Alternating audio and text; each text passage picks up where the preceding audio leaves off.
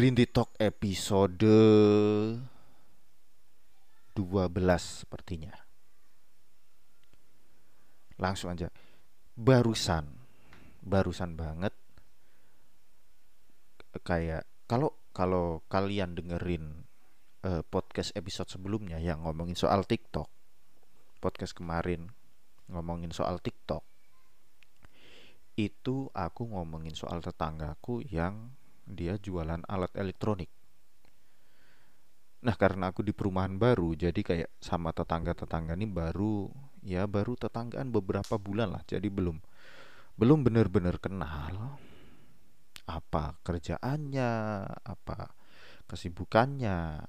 Nah, dan barusan kayak ngobrol-ngobrol gitu kan, ngobrol-ngobrol dan tetanggaku itu yang kemarin tak bilang sebelahku itu yang aku bilang jualan elektronik itu dia nggak cuma jualan elektronik coy. Dia jualan semuanya semua dia jual. Nggak entah itu kredit entah itu apa pokoknya dia adalah the real flipper. Buat yang belum tahu flipper adalah orang yang nyari barang secara offline kemudian dia jual online dia jual lagi. Resell resell sih reseller kalau di kita populernya. Nah dia tuh ngejual apa aja? Lewat online kebanyakan lewat WhatsApp. Itu kenapa aku tahu dia jualan lewat WhatsApp? Aku nyimpen nomornya. Dan ternyata setelah tak biasa nih kan kayak WhatsApp bosen karena kosong gitu kan chatnya nggak ada yang ngechat. Paling orang nanya baju doang kan ya nanyain pesanan gini-gini ya bosen lah. Uh, lihat status dong. Lihat status di statusnya mas-mas sebelah ini. Boom buka. Itu dia ngalahin Aukarin yang pas endorse. Itu dia ngalahin itu titik-titiknya. Itu lebih kayak apa sih kayak titiknya kecil banget coy banyak banget dan itu semua dagangan. Ini baru di WhatsApp ya ini baru WhatsApp. Aku belum tahu dia jualannya di Facebook gimana. Dia bilang dia jualan di Facebook juga. Wow wow super sekali ini orang. Nah eh di situlah dia eh, aku apa kok dia? Aku jadi terbata-bata. Aku jualan kaos. Aku tawarin kaos ke dia. Tawarin dia mau ngejual pakai harga dia tapi enaknya karena tetanggaan dia nggak perlu nyetok. Jadi kalau dia ada yang beli di dia dia tinggal ngambil ke rumah. Dan ini begitu tak bilangin buh dia langsung post foto-foto tak kirimin foto boom nggak beberapa lama kemudian dia minta langsung pesanan tuh banyak banget. Kayak ya ya lumayan lah lumayan. Lumayan. Nah di situ wah ini orang canggih juga jualannya gitu kan. Real penjual gitu. Dagangnya banyak temen-temennya pasti banyak ini orangnya. Karena dan aku tanya dia jual berapa gitu. Dia jual harganya 69.000 Wow, harga asli green tea sebelum diskon. Sekarang kan lagi bulan Desember nih, akhir tahun. Nah, lagi ada diskon akhir tahun. Aku jual ke dia 40 ribu. Dia jual 69 ribu. Dan itu langsung laku. Dia minta besok lagi mas, ada yang mau beli lagi ini. Kayak, what? Nah, di sini eh pas aku ngobrol itu, itu nggak sama dia doang. Itu lagi kayak ya tetangga sini ngumpul karena di depan rumahku itu ada semacam kursi, ada kursi gitu tempat para tempat nongkrong rumah-rumah uh, ya inilah ya rumah-rumah sekitar lah tetangga tetangga gitu pada nongkrong di situ. Di situ ada mbak-mbak yang di sini banyak yang jualan online. Dan ada juga mbak-mbak yang ibu-ibu sih ibu-ibu yang fuck yang dia itu jualan daster. Si mas ini eh bener-bener eh, juga ngejualin jual punya dia juga.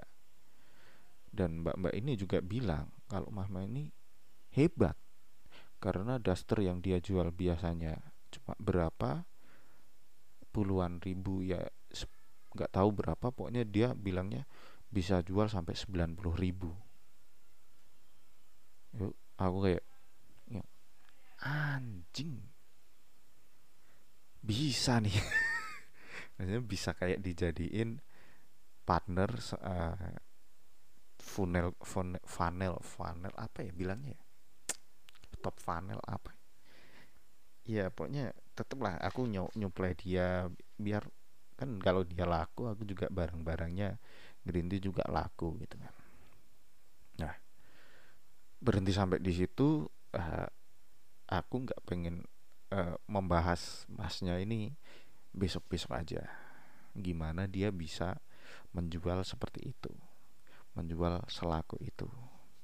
Aku mau bahas ini soal flipping atau di kita reselling reseller menjadi reseller atau flipper. Nah akhir-akhir ini beberapa bulan ke belakang aku kayak di rumah di rumah di rumah bapak ibuku itu banyak banget barang-barang bekas yang nggak kepake. Kayak pakaian yang udah nggak muat sepatu yang udah nggak muat. Apa pun itu. Banyak banget. Aku inget waktu zaman zaman SMA pernah jualan baju bekas di ya semacam car free day gitulah di pasar-pasar hari minggu pagi. Kalian tahu nggak sih kayak pasar hari hari minggu pagi kalau di istilahnya namanya ngawul kalau di Semarang kalau di Jogja tuh ada Sunmore ada itu. Nah jadi jualan minggu pagi di situ pas SMA aku jualan pakaian. Itu semata-mata demi piknik eh, kelas. Waktu itu buat pembi tambahan pembiayaan kelas. Jadi idenya tuh dulu agak bangsat sih kalau aku dulu tahu baju bekas lakunya lumayan banyak peminatnya dulu aku jual sendiri. Tapi sayangnya dulu ya internet ya belum se booming sekarang sih. Banyak orang yang belum masuk ke internet. Jadi dulu aku ya udahlah pakaian pakaian waktu itu SMA kan berarti pakaian pakaian SMP atau pakaian SD yang udah nggak muat aku ambilin kita jual satu kelas bareng-bareng ke sana. Wah itu juga banyak yang nyari, banyak banget. Nah nyari di situ, dari situlah aku kepikiran kenapa pakaian-pakaian ini gak aku jual. Sekarang semua orang uh, udah pakai medsos, udah pak ada di marketplace, mereka belanja tinggal klik. Nah, singkat cerita pakaian ini aku pilah-pilah aku kumpulin. Aku ambil dari lemari aku tempatin di kardus-kardus gitu kan. Ya agak memakan waktu sih. Eh ya nggak sampai seharian juga sih paling berapa lama ngumpulin semua itu. Dan aku kayak harus izin dulu sama yang punya pakaian yang di mana itu adalah bapak ibuku dan adikku. Adikku sih oke okay lah udah nggak muat gitu kan udah nggak muat. Terus punya ibuku ibuku masih nggak rela pakaian pakaiannya dijual. Bapakku ya bodo amat lah jual yang penting ngasilin duit silahkan oke aku kumpul kumpulin besoknya aku foto foto foto upload di Facebook Marketplace. Dan luar biasanya ini adalah uh, selain ini ya selain aku jualan kaos green tea ini adalah pertama kalinya aku dapat pertanyaan yang banyak banget soal barang yang aku jual. Banyak banget. Semasif ini. Banyak banget. Nggak nggak nggak nggak aku duga sebelumnya. Biasanya kan kayak jualan online tuh kayak ya belum pernah sih aku kayak jualan lewat Facebook sebelumnya. Karena jualan dagang kaos di Green ID itu kan Instagram sama jagongan Semarang juga di Instagram. Lewat Instagram. Yang foto-fotonya harus bagus harus catchy modelnya harus cakep harus endorse sana sini. Ini di Facebook jualan barang bekas. Dan ternyata yang minat banyak. Ini kayak wow kayak holy fuck kayak men. Itu kayak aku ngelain pertanyaan tuh nggak ada habisnya untuk uh, barang yang worth it. Eh, yang worth it ya kayak misal kalau kaos yang mudah mulai pudar gambar-gambarnya gitu ya sepi. Tapi kalau misalnya aku posting celana jeans nih misalnya aku kan sekarang pakai ukuran sekian yang dulu-dulu udah nggak muat banget. Tak jual aja posting boom banyak peminatnya. Karena selain harganya yang mu, mu, uh, yang murah juga itu celana jeans gitu loh. Aku kenapa mikirnya tak jual murah? Ya daripada nggak kepake gitu kan. Daripada nol dan harganya nol mending tak jual tak jadiin duit di Facebook Marketplace dapat 40 ribu satu pak satu celana jeans itu lumayan nah terus tanya-tanya oke okay, banyak yang ngajakin COD banyak juga yang akhirnya mundur karena uh, lokasiku yang kejauhan dari tempat mereka. Nah ini jeleknya Facebook Marketplace. Itu dia uh, marketplace-nya lebih ke ya tradisional banget lah. Tradisional banget.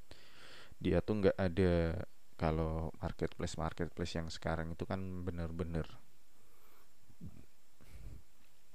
bener-bener kita bayarnya ke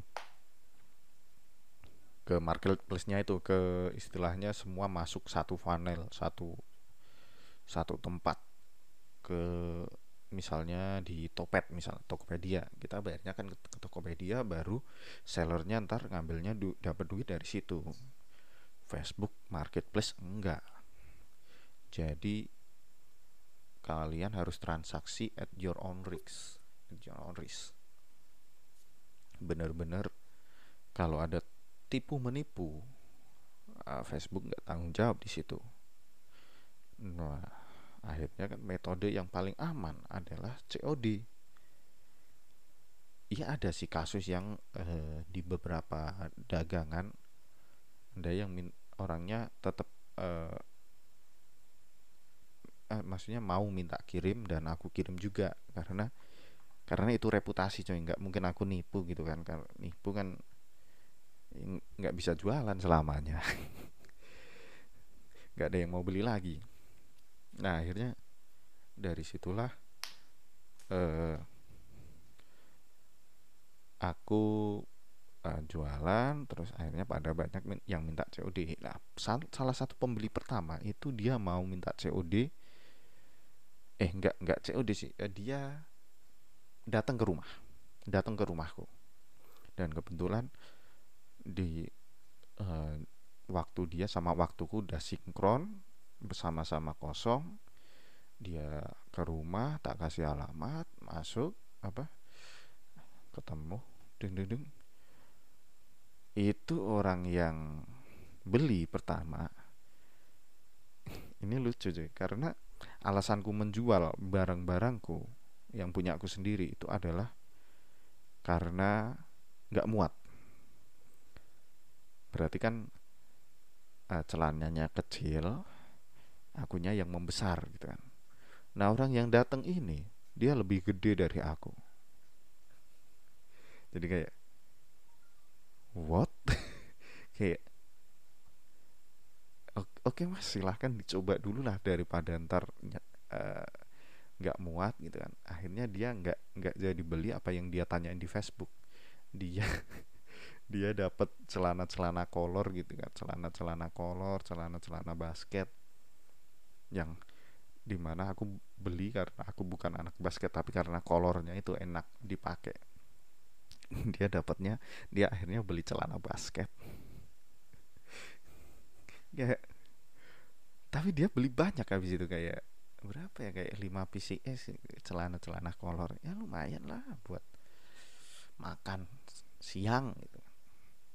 Ya pergi makasih pergi udah habis itu besoknya ada lagi tuh ada lagi datang lagi orang nyari celana. Ini banyak nih dia borong sampai sekitar 10 ya enggak sampai 10 sih 8 8 celana celana semua sih yang dia cari.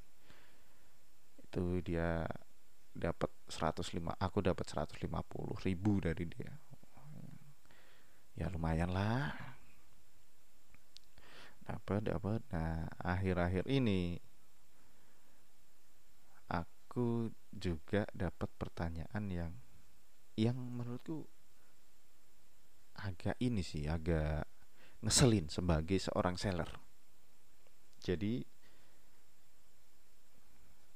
ketika ngelis eh, barang dagangan di Facebook itu aku harus masukin pertama itu masukin foto itu wajib wajib foto kemudian judul yang oke lah misalnya aku jual kaos itu ntar eh, aku bisanya nulisnya kaos mereknya ini kaos misalnya mereknya apa terus lengannya pendek atau apa gitu. udah tak tulis terus harga dimasukin kondisi barangnya seperti apa terus size-nya berapa eh, harga, harga udah belum ya? Harga. Nah gitulah. Sama deskripsi. Nah ber, uh, di deskripsi itu aku tak isi hal yang penting kayak misal cacat-cacatnya apa bolong di mana terus aku ulangin lagi uh, size sama kondisi barang sama harganya sama lokasi tempatku sama bisa COD-an di mana gitu. Tak komplit lah. Eh ham banyak banget orang yang ngechat. Dia nanyanya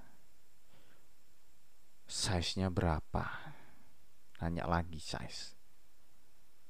Itu kayak yang aku kesel banget sih kayak oh mas oke okay lah kamu tanya gitu kan sebagai seorang uh, pem, calon pembeli. Oke okay, kamu tanya. Tapi please tanya yang agak bermutu yang gak ada di yang udah tak sediakan gitu loh.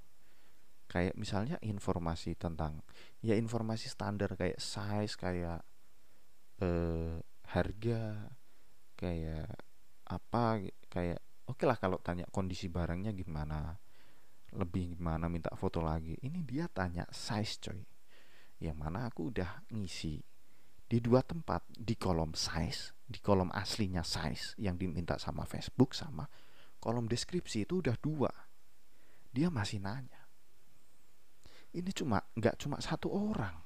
Banyak yang nanya kayak gini. Ini apa aku yang salah nginput apa gimana? Tapi tak lihat lagi udah ada. Ini kemarin tak share di Instagramku sih buat kalian yang follow Instagramku. N3 Amfa itu kemarin tak storyin gimana orang-orang ini nanya informasi yang sebenarnya udah ada di listing itu. Dan ternyata yang selama ini orang-orang bilang bahwa budaya membaca di Indonesia itu sangat rendah jangankan untuk membaca buku yang tebal gitu ya yang buku-buku yang penuh dengan pengetahuan yang sangat lengkap, sangat detail itu kan tebel-tebel tuh. Untuk membaca keterangan harga itu enggak cuy. Enggak mau. Oke lah banyak yang nyela kalau eh, Indonesia sukanya cuma baca headline doang sehingga banyak headline yang clickbait. Itu bener. Mereka nggak ngelihat kontennya. Itulah kenapa kebanyakan orang hanya nge-share judul, banyak kena clickbait terus asal nge-share asal nge-share. Itu memang terjadi. Tapi ini ada yang lebih parah, coy. Untuk ngelihat size-nya sama harganya aja sorry size size itu kalau di Facebook Marketplace itu harus ngeklik listingnya baru kelihatan di situ deskripsi gini-gini deskripsi size dan lain-lain.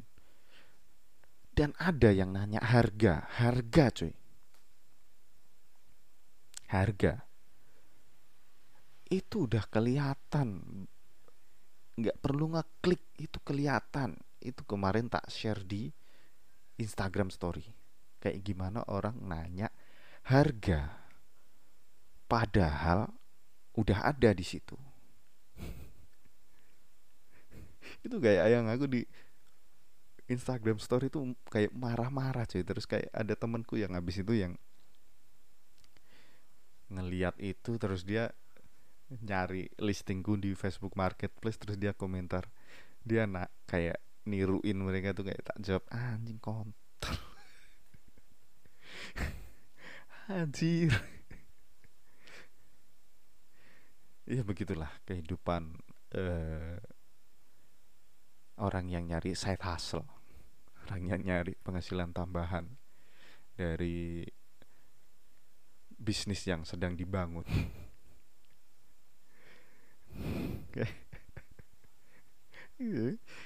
Aduh. Nah, eh, selain baju, aku juga mau uh, berkembang ke buku sebenarnya aku jual semuanya sih kayak yang yang ada pokoknya tak jual karena prinsipnya gini cuy kadang yang jadi sampah buat seseorang itu adalah harta karun bagi orang lain. Iya enggak misalnya kayak eh, kalian punya misalnya buku ini yang menurut kalian kalian udah selesai baca gitu kan. Udah selesai baca ya udahlah geletak di lemari. Tapi bagi orang yang lain yang misalnya serinya dari empat buku uh, tetralogi buru nih misalnya bukunya Pram. Misalnya aku punya buku keempat nih buku jejak langkah rumah kaca yang keempat terus ada orang yang kurang buku uh, keempat terus harus nunggu cetakan. Nah mending punya aku tak jual aja ke dia. Aku udah selesai nggak berarti apa-apa bukunya gitu kan. Terus tak jual ke dia bagi dia itu wow dan bahkan buat buku-buku yang terbitan tahun-tahun lama tuh pasti juga banyak yang nyari. Apalagi kayak buku-buku kedokteran buku-buku anak kuliahan itu pasti mahal dan itulah uh, next aku pengen jualan buku. Pengen uh, ya buku-buku bekas sih terutama sih. Uh, udah mulai aku udah mulai kayak nyari-nyari gitu kan. Apa sih yang bisa tak cari dari mana aku bisa dapat buku-buku itu? Karena kebetulan juga suka baca juga. Jadi bisa lah dijual tapi belum belum belum lihat sih kayak kayak di Facebook aja. Orang baca tuh males gimana? Gimana jualan buku gitu. Ya it's okay lah. Kalau kebanyakan mikir nggak jalan-jalan malah. Yang penting jalan dulu dan sambil kita lihat bagaimana respon orang-orang. Karena kalau orang-orang nggak buku itu benar-benar nggak laku itu sorry itu saya penerbit udah pada tutup tutup istilahnya apa ya udah pada bangkrut dari dulu udah pada gulung tikar dari dulu. Kalau memang minat baca apa nggak ada pelanggannya. Penerbit tutup toko buku besar tutup toko buku kecil-kecil tutup toko buku bajakan juga tutup. Itu kalau ya nyatanya mereka masih berdiri berarti masih ada pasarnya gitu nah itu. Yang coba tak masukin masuk celah ke situ. Ya. Itu aja untuk episode kali ini uh, terima kasih atas waktu dan tempat yang telah disediakan. Tiada gading yang tak retak asih thank you. Sampai ketemu di episode selanjutnya. Bye bye